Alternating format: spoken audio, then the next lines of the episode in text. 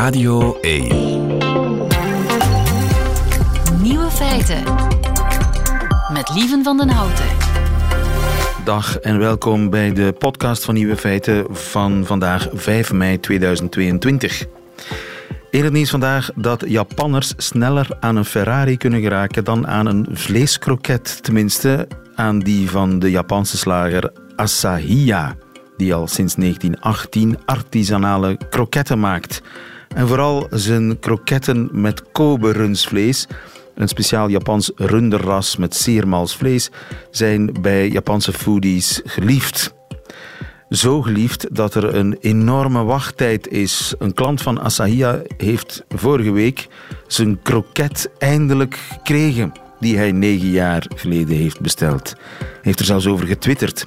En nee, het ging niet om een foutje of een vergeten bestelling. Want wie vandaag een kroket bestelt bij Asahiya, die mag wachten tot 2052. 30 jaar wachttijd rekent de slagerij volgens zijn website nu. Als ik dan nog maar leef. De andere nieuwe feiten vandaag. De Franse kranten zijn laaiend enthousiast over de nieuwe roman van Louis-Ferdinand Céline, die 90 jaar geleden geschreven is. Ook de computer kan nu wijnrecensies schrijven, kan onze wijnkenner die herkennen. En Rika Ponet beantwoordt de vraag van een luisteraar: haar man wil alleen recht toe recht aan seks, zij wil meer. En de nieuwe feiten van Johan Terrein die hoort u in zijn middagjournaal. Veel plezier.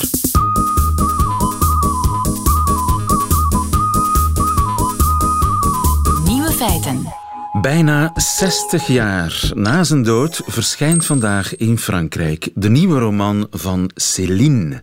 De geniale, maar uiterst controversiële en hele foute schrijver Louis Ferdinand Céline. De kranten over die nieuwe roman zijn wild enthousiast. Luc Rasson, goedemiddag. Goedemiddag. U bent uh, professor uh, Franse literatuur aan de Universiteit van uh, Antwerpen. Céline, vooral bekend natuurlijk van Voyage au bout de la nuit uit de jaren 30. Schrijver, arts, die afschuwelijke ideeën had, later geloof ik. Hè. Vanaf 1936 komt zijn, zijn jodenhaat heel erg naar boven. Hij schrijft anti-Joodse pamfletten, schrijft dat ze moeten uitgeroeid worden, die joden. Niettemin is hij literair een, een pionier. Wat is zijn grote literaire kracht? Wel, kijk, sorry. Um, Céline begint zijn uh, carrière in 1932. Uh, hij was op dat ogenblik een volslagen onbekende in de literaire wereld. met dus inderdaad die Voyage au bout de la nuit, reis naar het einde van de nacht, die een, ja, een grootse, meeslepende roman is over een personage dat geworpen is in de, in de realiteit van de 20e eeuw. Oorlog, Eerste Wereldoorlog, koloniaal Afrika, uh, het uh, industrieel kapitalistisch systeem in de Verenigde Staten enzovoort. Uh, die roman slaat in als een bom hè, en wordt ook vandaag nog beschouwd als een ja, van de grote mijlpalen in de literatuur van het modernisme. Ja, hè. het is vooral die taal, hè, die, die ruwe volkstaal bijna. Precies, ja, precies. Die roman viel ook op stilistisch, hè, omdat Céline eigenlijk de, hoe moet ik het zeggen, de volkstaal binnenbrengt in de literatuur en zelfs tot het argot, hè, argot, het slang. Hè. Um, inderdaad, dat is een van de verdiensten die, ja. die, die, die, hij zeker heeft, ja. Nu, die nieuwe roman die heet Guerre. Heeft u hem al? Nog niet, want kijk, hij komt pas vandaag uit. Uh, ik bevind mij in het Luikse op dit ogenblik. Aha. En ik ga deze namiddag naar het centrum om een uh, exemplaar aan te schaffen. Ik hoop dat hij daar al in de boekhandels ligt. Ja, u bent speciaal naar Luik gereden om Geir te kopen, de nieuwe roman van Nee, ah. nee ik ben hier vaak om persoonlijke redenen. Oké. Okay. Nu, die nieuwe roman, Geir, wanneer is die geschreven? Wel, die is geschreven uh, blijkbaar in 1934. Hè? Dus na Voyage au bout de la nuit. En net voor ja, wat tot voor kort zijn tweede grote roman was, uh, Mort à crédit, Dood op krediet. Dus waar hij, ja, een, waar hij zijn, zijn jeugd, zijn kindertijd en zijn jeugd vertelt. In die stijl die hem eigen is. Hè. Uh, en Guerre is als het ware de missing link uh, tussen die Moracredi over zijn kindertijd en de Voyage Bout de la Nuit. Het speelt zich ehm, voor een deel af in Poelkapelle. Ja, inderdaad, want ja, dat is een biografisch gegeven. Uh, Céline ja, was dus uh, betrokken bij de Eerste Wereldoorlog en vocht in Vlaanderen. En het is in Poelkapelle uh, dat hij gewond werd. Hè. En trouwens, Guerre uh, gaat daarover. Naar het schijnt, ik ga het straks hopelijk kunnen bekijken, naar het schijnt opent uh, Guerre op een scène waar de hoofdpersoon in de modder ligt, uh, bewusteloos is en hij wordt wakker. Hè. We, we, we, um, we assisteren dus, we, we, we zien hoe hij wakker wordt uh, van zijn verwonding en naast hem de lijken ziet liggen in het modder, het bloed enzovoort. Ja. Nu, ik hoop misschien dat we morgen nog contact met elkaar kunnen hebben, dat u de tekst is 150 bladzijden, misschien heeft u hem tegen morgen kunnen lezen. Ik ben heel nieuwsgierig wat, wat u na afloop van het, uh, van het boek, uh, aan het lezen van het boek ervan vindt. Nu, ja, wat, ik ook. Wat, ja. en wat ik ook natuurlijk wil weten is, ja, dat manuscript is dus geschreven 90 jaar geleden ongeveer. Eh, waar was het al die tijd? Ja, dat is een, een boeiend, een onwaarschijnlijk verhaal. Hè. Kijk, um, in uh, juni 44, landing in Normandië. Uh, Céline vlucht op dat ogenblik hals over kop weg uit zijn uh, appartement in Montmartre in Parijs. Waarom? Ja, omdat hij betrokken was geweest bij de collaboratie als antisemiet, als racist. Goed, en hij vertrekt richting Duitsland met zijn vrouw en zijn kat trouwens. Uh, maar ondertussen, ja, dat appartement van Céline staat leeg en ja, dat wordt geplunderd uh, door blijkbaar door verzetslui. Uh, nu, uh, vijf, een vijftiental jaar geleden uh, is er een voormalig journalist van Libération, zeker Jean-Pierre Thibaudat, die een telefoontje krijgt van een man die anoniem is te blijven.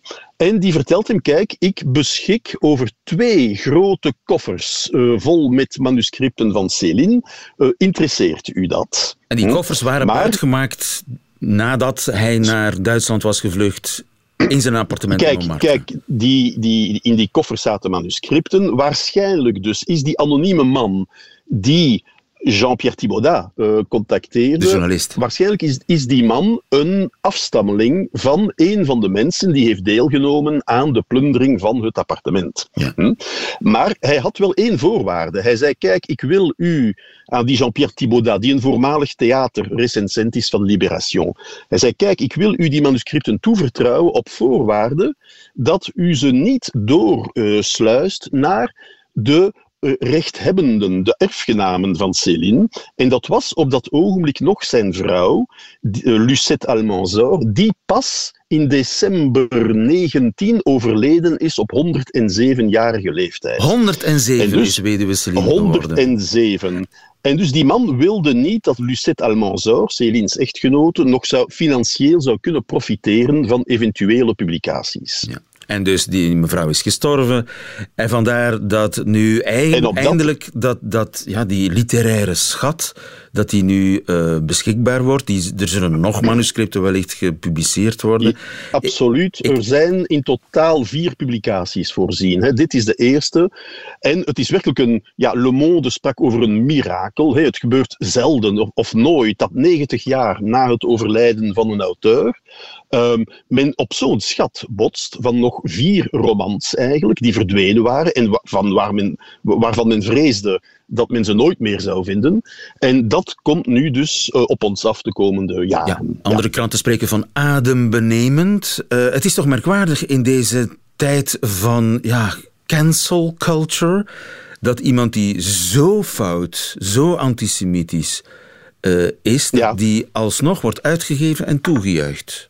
Of niet? Ja, kijk, dat is natuurlijk de hele problematiek van Céline. Hè. We hebben er nog niet uh, expliciet over gesproken, maar in 1937 inderdaad publiceert hij een eerste antisemitisch pamflet, Bagatelle pour un massacre, dat ja, hevig tekeer gaat tegen Joden, hè, waarvan de basisstelling is dat alles wat slecht gaat in Frankrijk en Europa te wijten is aan ja, de, de, de, de, de invloed van de Joodse lobby enzovoort. En dit allemaal in een extreem vulgair scheldproza eigenlijk. Ja. En hij zal er zo drie publiceren. Dus dat is inderdaad een probleem.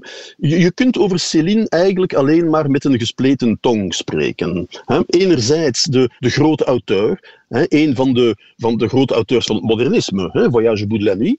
En anderzijds, ja, de schoft, de racist, de antisemiet. Ja. Uh, maar u vindt dat hij ja, toch alsnog gepubliceerd kan worden? Uh, ik heb daar geen probleem mee uh, in die zin dat ik denk dat ons oordeel over een kunstenaar, over een schrijver enzovoort, ehm, hoe moet ik het zeggen, dat we geen uh, rekening uh, hoeven te houden met de manier waarop die man geleefd heeft of eventuele politieke opinies die hij gehad heeft.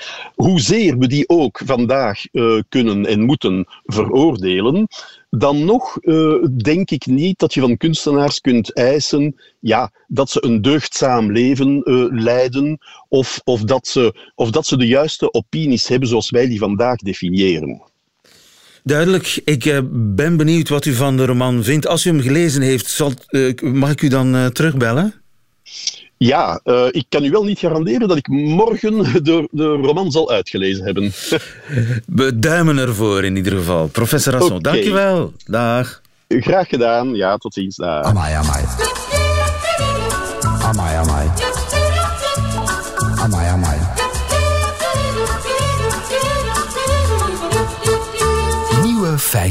Het is gebeurd. De computer kan nu ook wijnrecensies schrijven. Recensies die niet zijn te onderscheiden van de echte.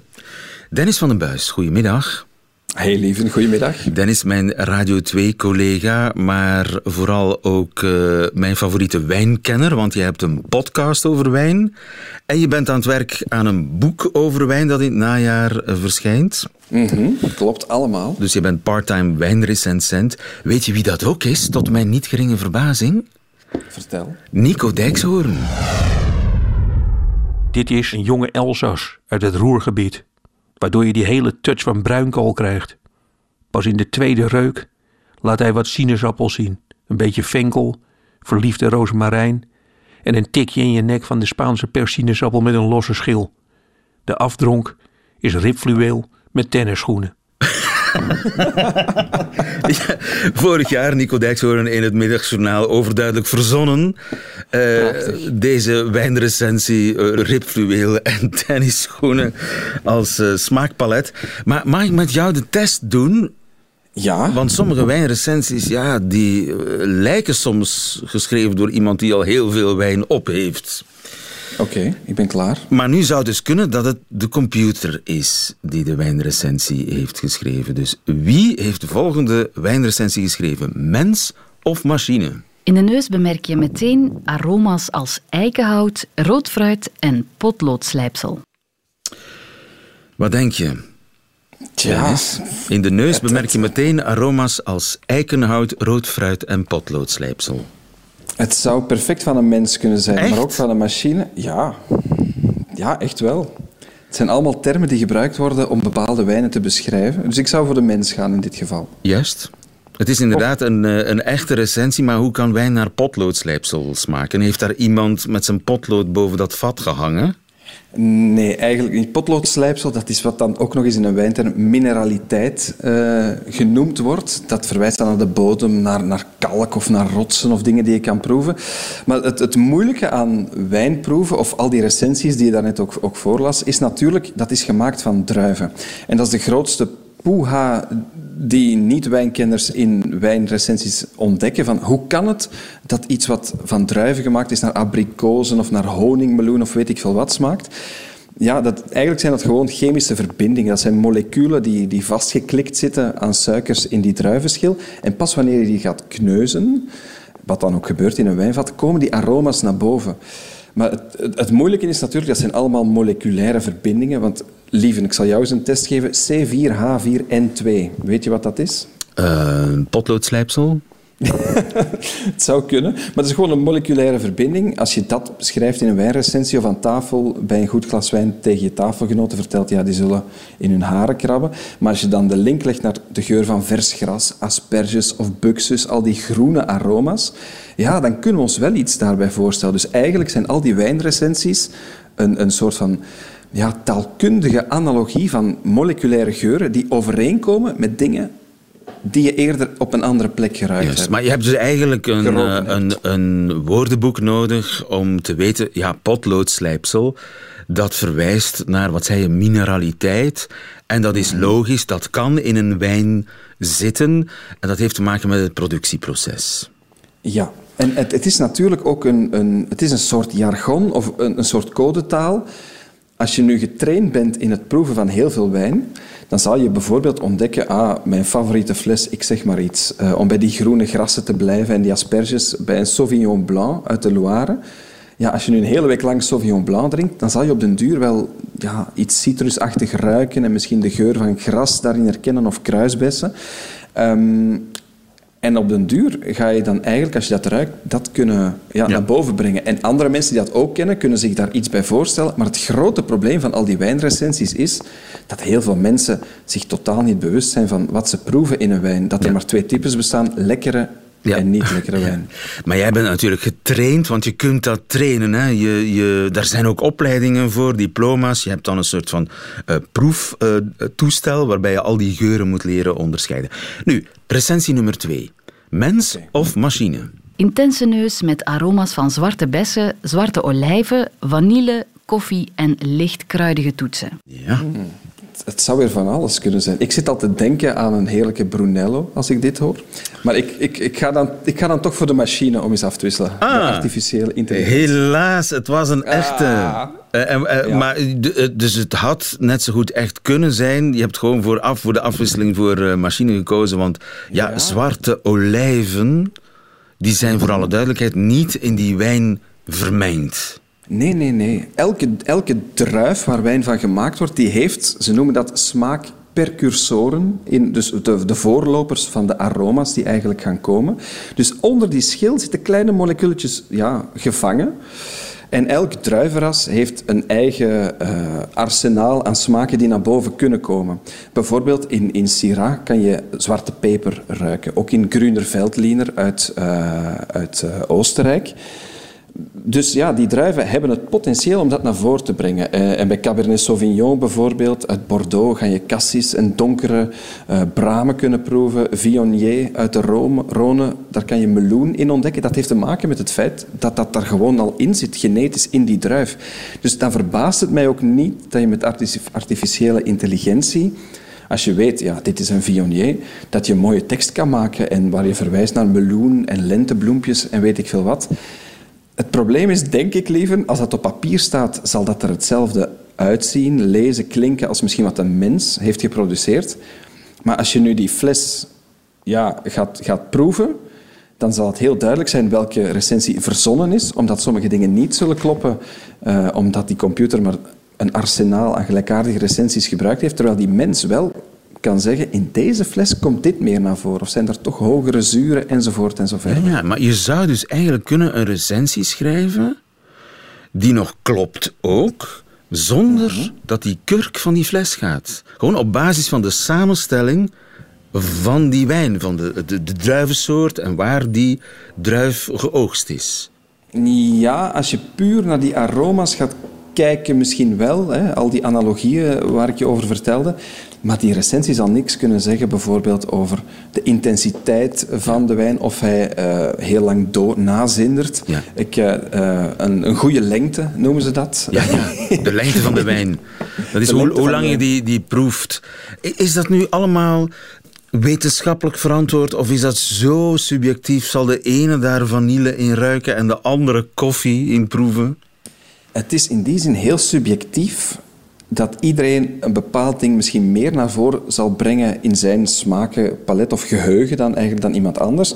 Maar je kan wel objectief zeggen, bijvoorbeeld deze wijn ruikt naar vanille. Dat komt gewoon omdat hij in Amerikaanse eikenhouten vaten gelegen heeft. Want die bomen geven dan ook weer aan hun hout dezelfde type smaakpercursoren af en die gaan dan weer in de wijn. Dus je zou dat wel wetenschappelijk kunnen vastleggen, maar nogmaals, het is niet omdat een wijn op papier dingen kan bevatten, dat het in de fles of in elke fles exact hetzelfde zit van dezelfde druif. Want ja, dan moeten we gewoon stoppen met, met allerlei verschillende wijndomeinen te bezoeken. Want dan is één wijn van bijvoorbeeld Cabernet Sauvignon identiek hetzelfde aan alle andere. En dat is ook niet het geval natuurlijk. Zullen we nog eens naar een, uh, een laatste luisteren? Heeft okay. kristallijnen met gouden tint, vuursteen en oranjebloesem.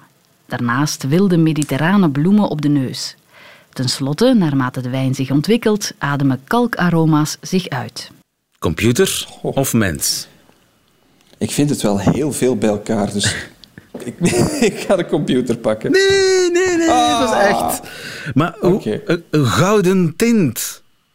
Ja, dat is gewoon de kleuren, ongetwijfeld, van, van, van de wijn. Ah. Ook, daar zijn, ook daar zijn allerlei... Uh, ja, daar is jargon voor. Je hebt strogele wijn bijvoorbeeld. Je hebt, uh, je hebt robijnrode wijn. Je hebt uh, baksteenrode wijn, die is al wat verouderd. Dus ook daar is een heel jargon ja, ja, van vuursteen en oranje bloesem. Ja, dat zijn uh, heerlijke aromen. Vuursteen is bijvoorbeeld eh, silex, dat is weer... Dat kom je heel vaak tegen in, in uh, Sancerre wijnen, bijvoorbeeld. Uh, of op basis van Sauvignon Blanc. Dus het voordeel van die beschrijvingen, lieven, is dat mensen die er een beetje in getraind zijn, zich kunnen voorstellen wat er in die wijn zit. Het grote nadeel is dat heel veel wijnconsumenten absoluut niet afgaan op die recensie om te weten, moet ik nu die wijn kopen of die wijn? En dat legt die lat en die drempel alleen nog maar hoger om over wijn te spreken. En dat vind ik persoonlijk een beetje jammer. Um, want ik had bijvoorbeeld een, een, een, wijnproeverij met vrienden. En dat was zo'n Sauvignon Blanc. Denk terug aan die kruisbessen, dat gras en die asperges. Um, maar degene die hier zat, zei... Oh, dat brengt mij helemaal terug naar mijn reis in Nieuw-Zeeland. Want in Nieuw-Zeeland groeit heel veel Sauvignon Blanc. Hebben ze niks anders dan die wijn gedronken. Dus het is eigenlijk maar wat er in je geheugen zit en hoe je dat vertaalt. Ja, dat, dat zegt ook iets over een gevoel bij een wijn. En het is niet omdat dat voor de ene mens groene buxus is, dat dat voor iemand anders niet die fantastische reis naar Zuid-Nieuw-Zeeland kan ja, betekenen. En zo kan wijn naar Nieuw-Zeeland proeven. Voilà. Het slaat allemaal ergens op, dat begrijp ik. Eh, Dennis van den Buis, ik hoor je later zeker ook nog over uh, wijnnieuws. Dankjewel, Dennis. Nog een fijne middag. Fijne dag voor jou. Vraag het aan Rika.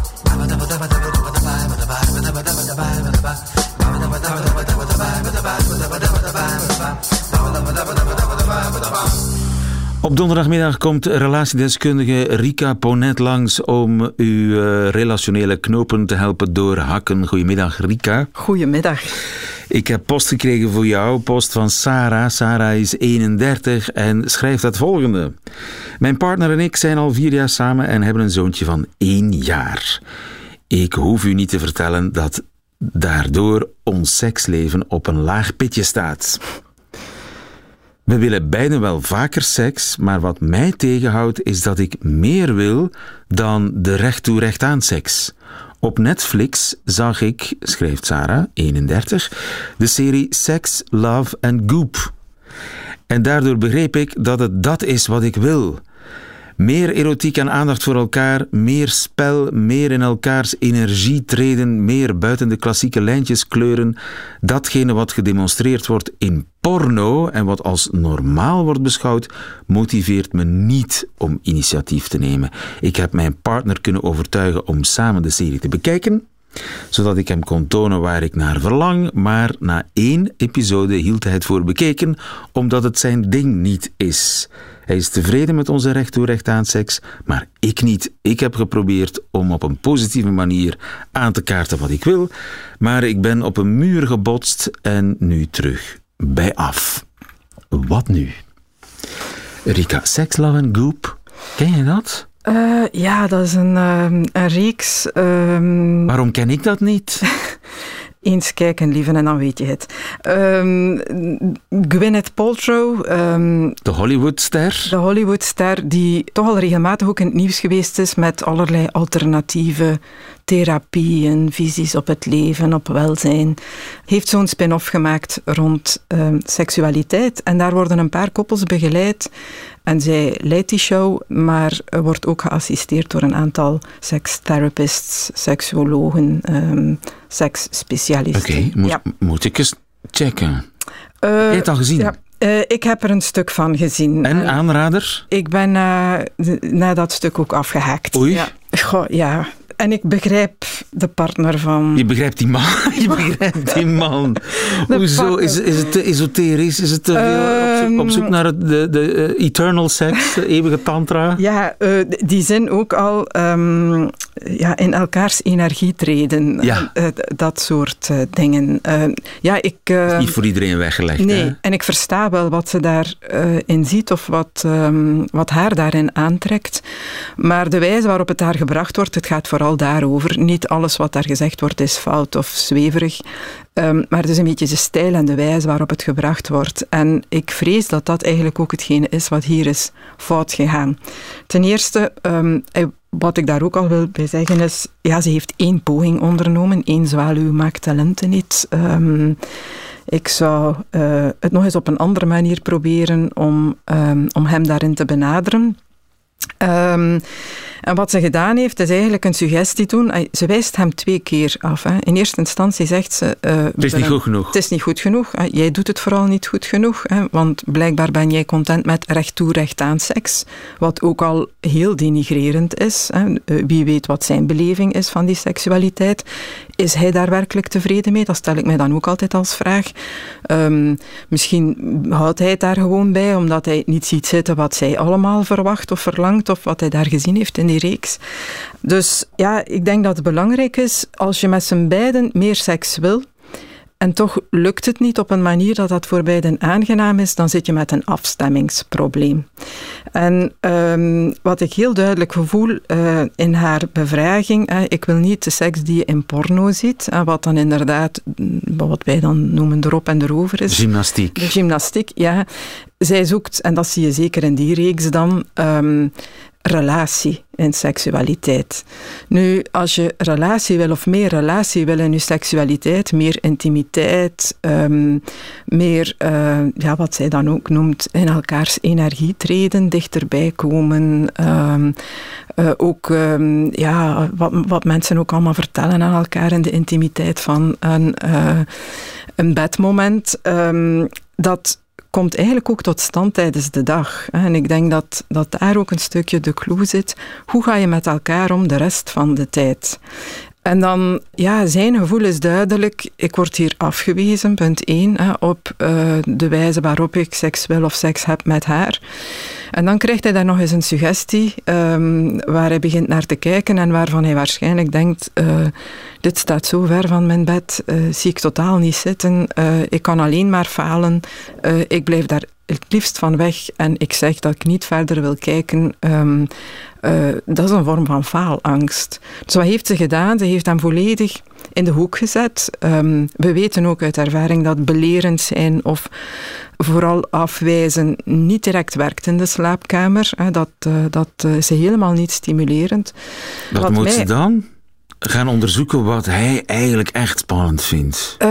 Ja, één, wat wil hij? Want dat, ik denk niet dat ze zich die vraag stelt. Ze is zo bezig met haar eigen verlangens en verwachtingen. Um, dat ze er gewoon maar van uitgaat dat wat zijn verwachting is pornoseks is, hè, waar ik helemaal niet van overtuigd ben en wat ik in mijn praktijk ook vaak ervaar, wat ook helemaal niet het geval is. Um, dat. En twee, uh, ja, de suggestie die ze doet, kijk eens naar die serie, maak dat eens concreet. In elkaars energie treden, wat is dat? Ik kan me voorstellen dat er veel mensen zijn die daarbij in een kramp schieten en helemaal niet weten wat wil dat dan zeggen seksueel. Heel vaak probeer ik mensen er toch toe te brengen. Instrueer uw partner. En wat wil dat dan zeggen? Niet zo belerend van het is niet goed en het moet anders, want uh, dat is een afwijzing.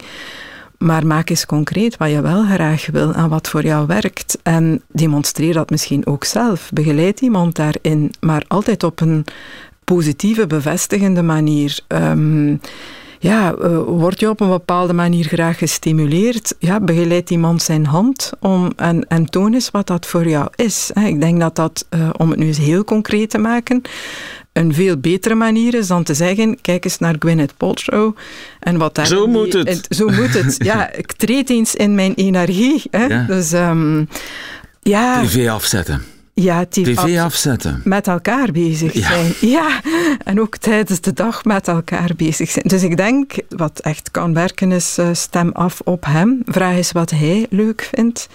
En probeer ook eens bij jezelf te raden te gaan, wat vind ik echt leuk? En kan ik dat verwoorden? Kan ik dat concreet maken?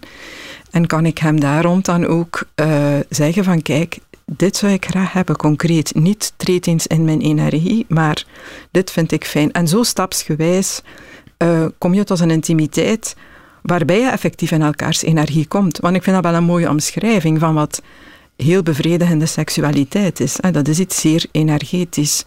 Maar daar start je niet mee. Dat is eigenlijk een eindpunt. Je start met heel concreet met elkaar daarover te communiceren en aangeven wat je wel en niet leuk vindt. En niet, uh, jij wil alleen maar pornoseks en ik wil wat daar op tv getoond wordt. Ja, ja. dan uh, zul je wel op een muur blijven botsen. Veel succes, Sarah. Tot volgende week, Rika Ponet. Ja, graag.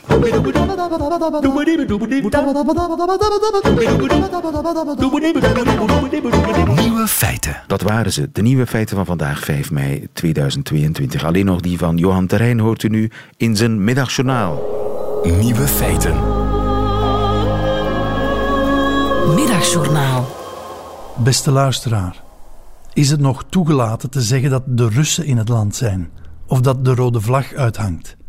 Met die vraag ging ik gisteravond slapen en stond ik vanochtend zonder antwoord ook weer op. De verontwaardiging en de machteloosheid tegenover de oorlog in Oekraïne begint een raar effect op mij te hebben. Het liefst zou ik persoonlijke maatregelen kunnen nemen tegen de barbaarse tsaar die dit alles op zijn geweten heeft. Maar het schrappen van volkse uitspraken over ongesteldheid behoren helaas niet tot mijn bevoegdheid. Het Amerikaanse bedrijf Monotype nam onlangs nog doortastende maatregelen. Zij zijn de eigenaar van de fonds Helvetica en Times New Roman en Verdana en Arial en Tahoma, enfin, van zowat het halve computerklavier. En ze beslisten nog niet zo lang geleden de toegang tot deze lettertypes voor Russische gebruikers af te sluiten. Toen ik het las, trok ik eerlijk gezegd mijn schouders op. Ik stond enkel wel versteld van het feit dat die lettertypes ook in het Cyrillisch schrift bestaan. Maar nu ik er zo luid op over nadenk, vind ik het eigenlijk een geniale zet. Zeker nu het al een tijdje stil is rond de hackers van Anonymous, die bij het begin van de oorlog de boel leken te kunnen gaan saboteren. Zo'n lettertype bannen heeft misschien ook wel effect.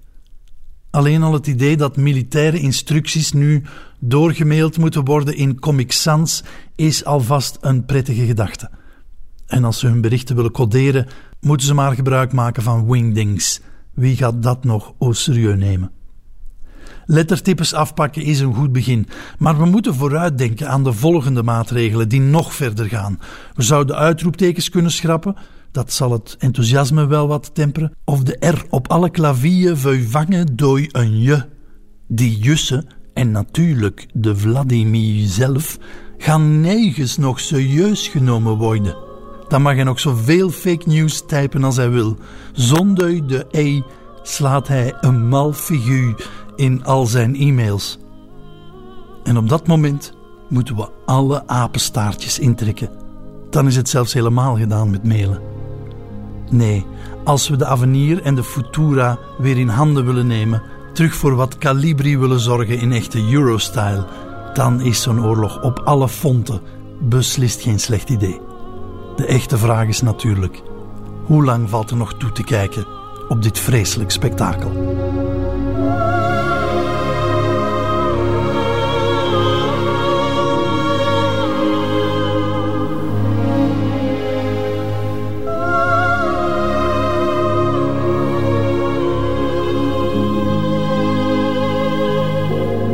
Het middagjournaal met Johan Terrein. Einde van deze podcast. Hoort u liever de volledige nieuwe feiten met de muziek erbij? Dat kan natuurlijk via Radio 1 live elke werkdag tussen 12 en 1. Of on demand via onze website of onze app. Tot een volgende keer.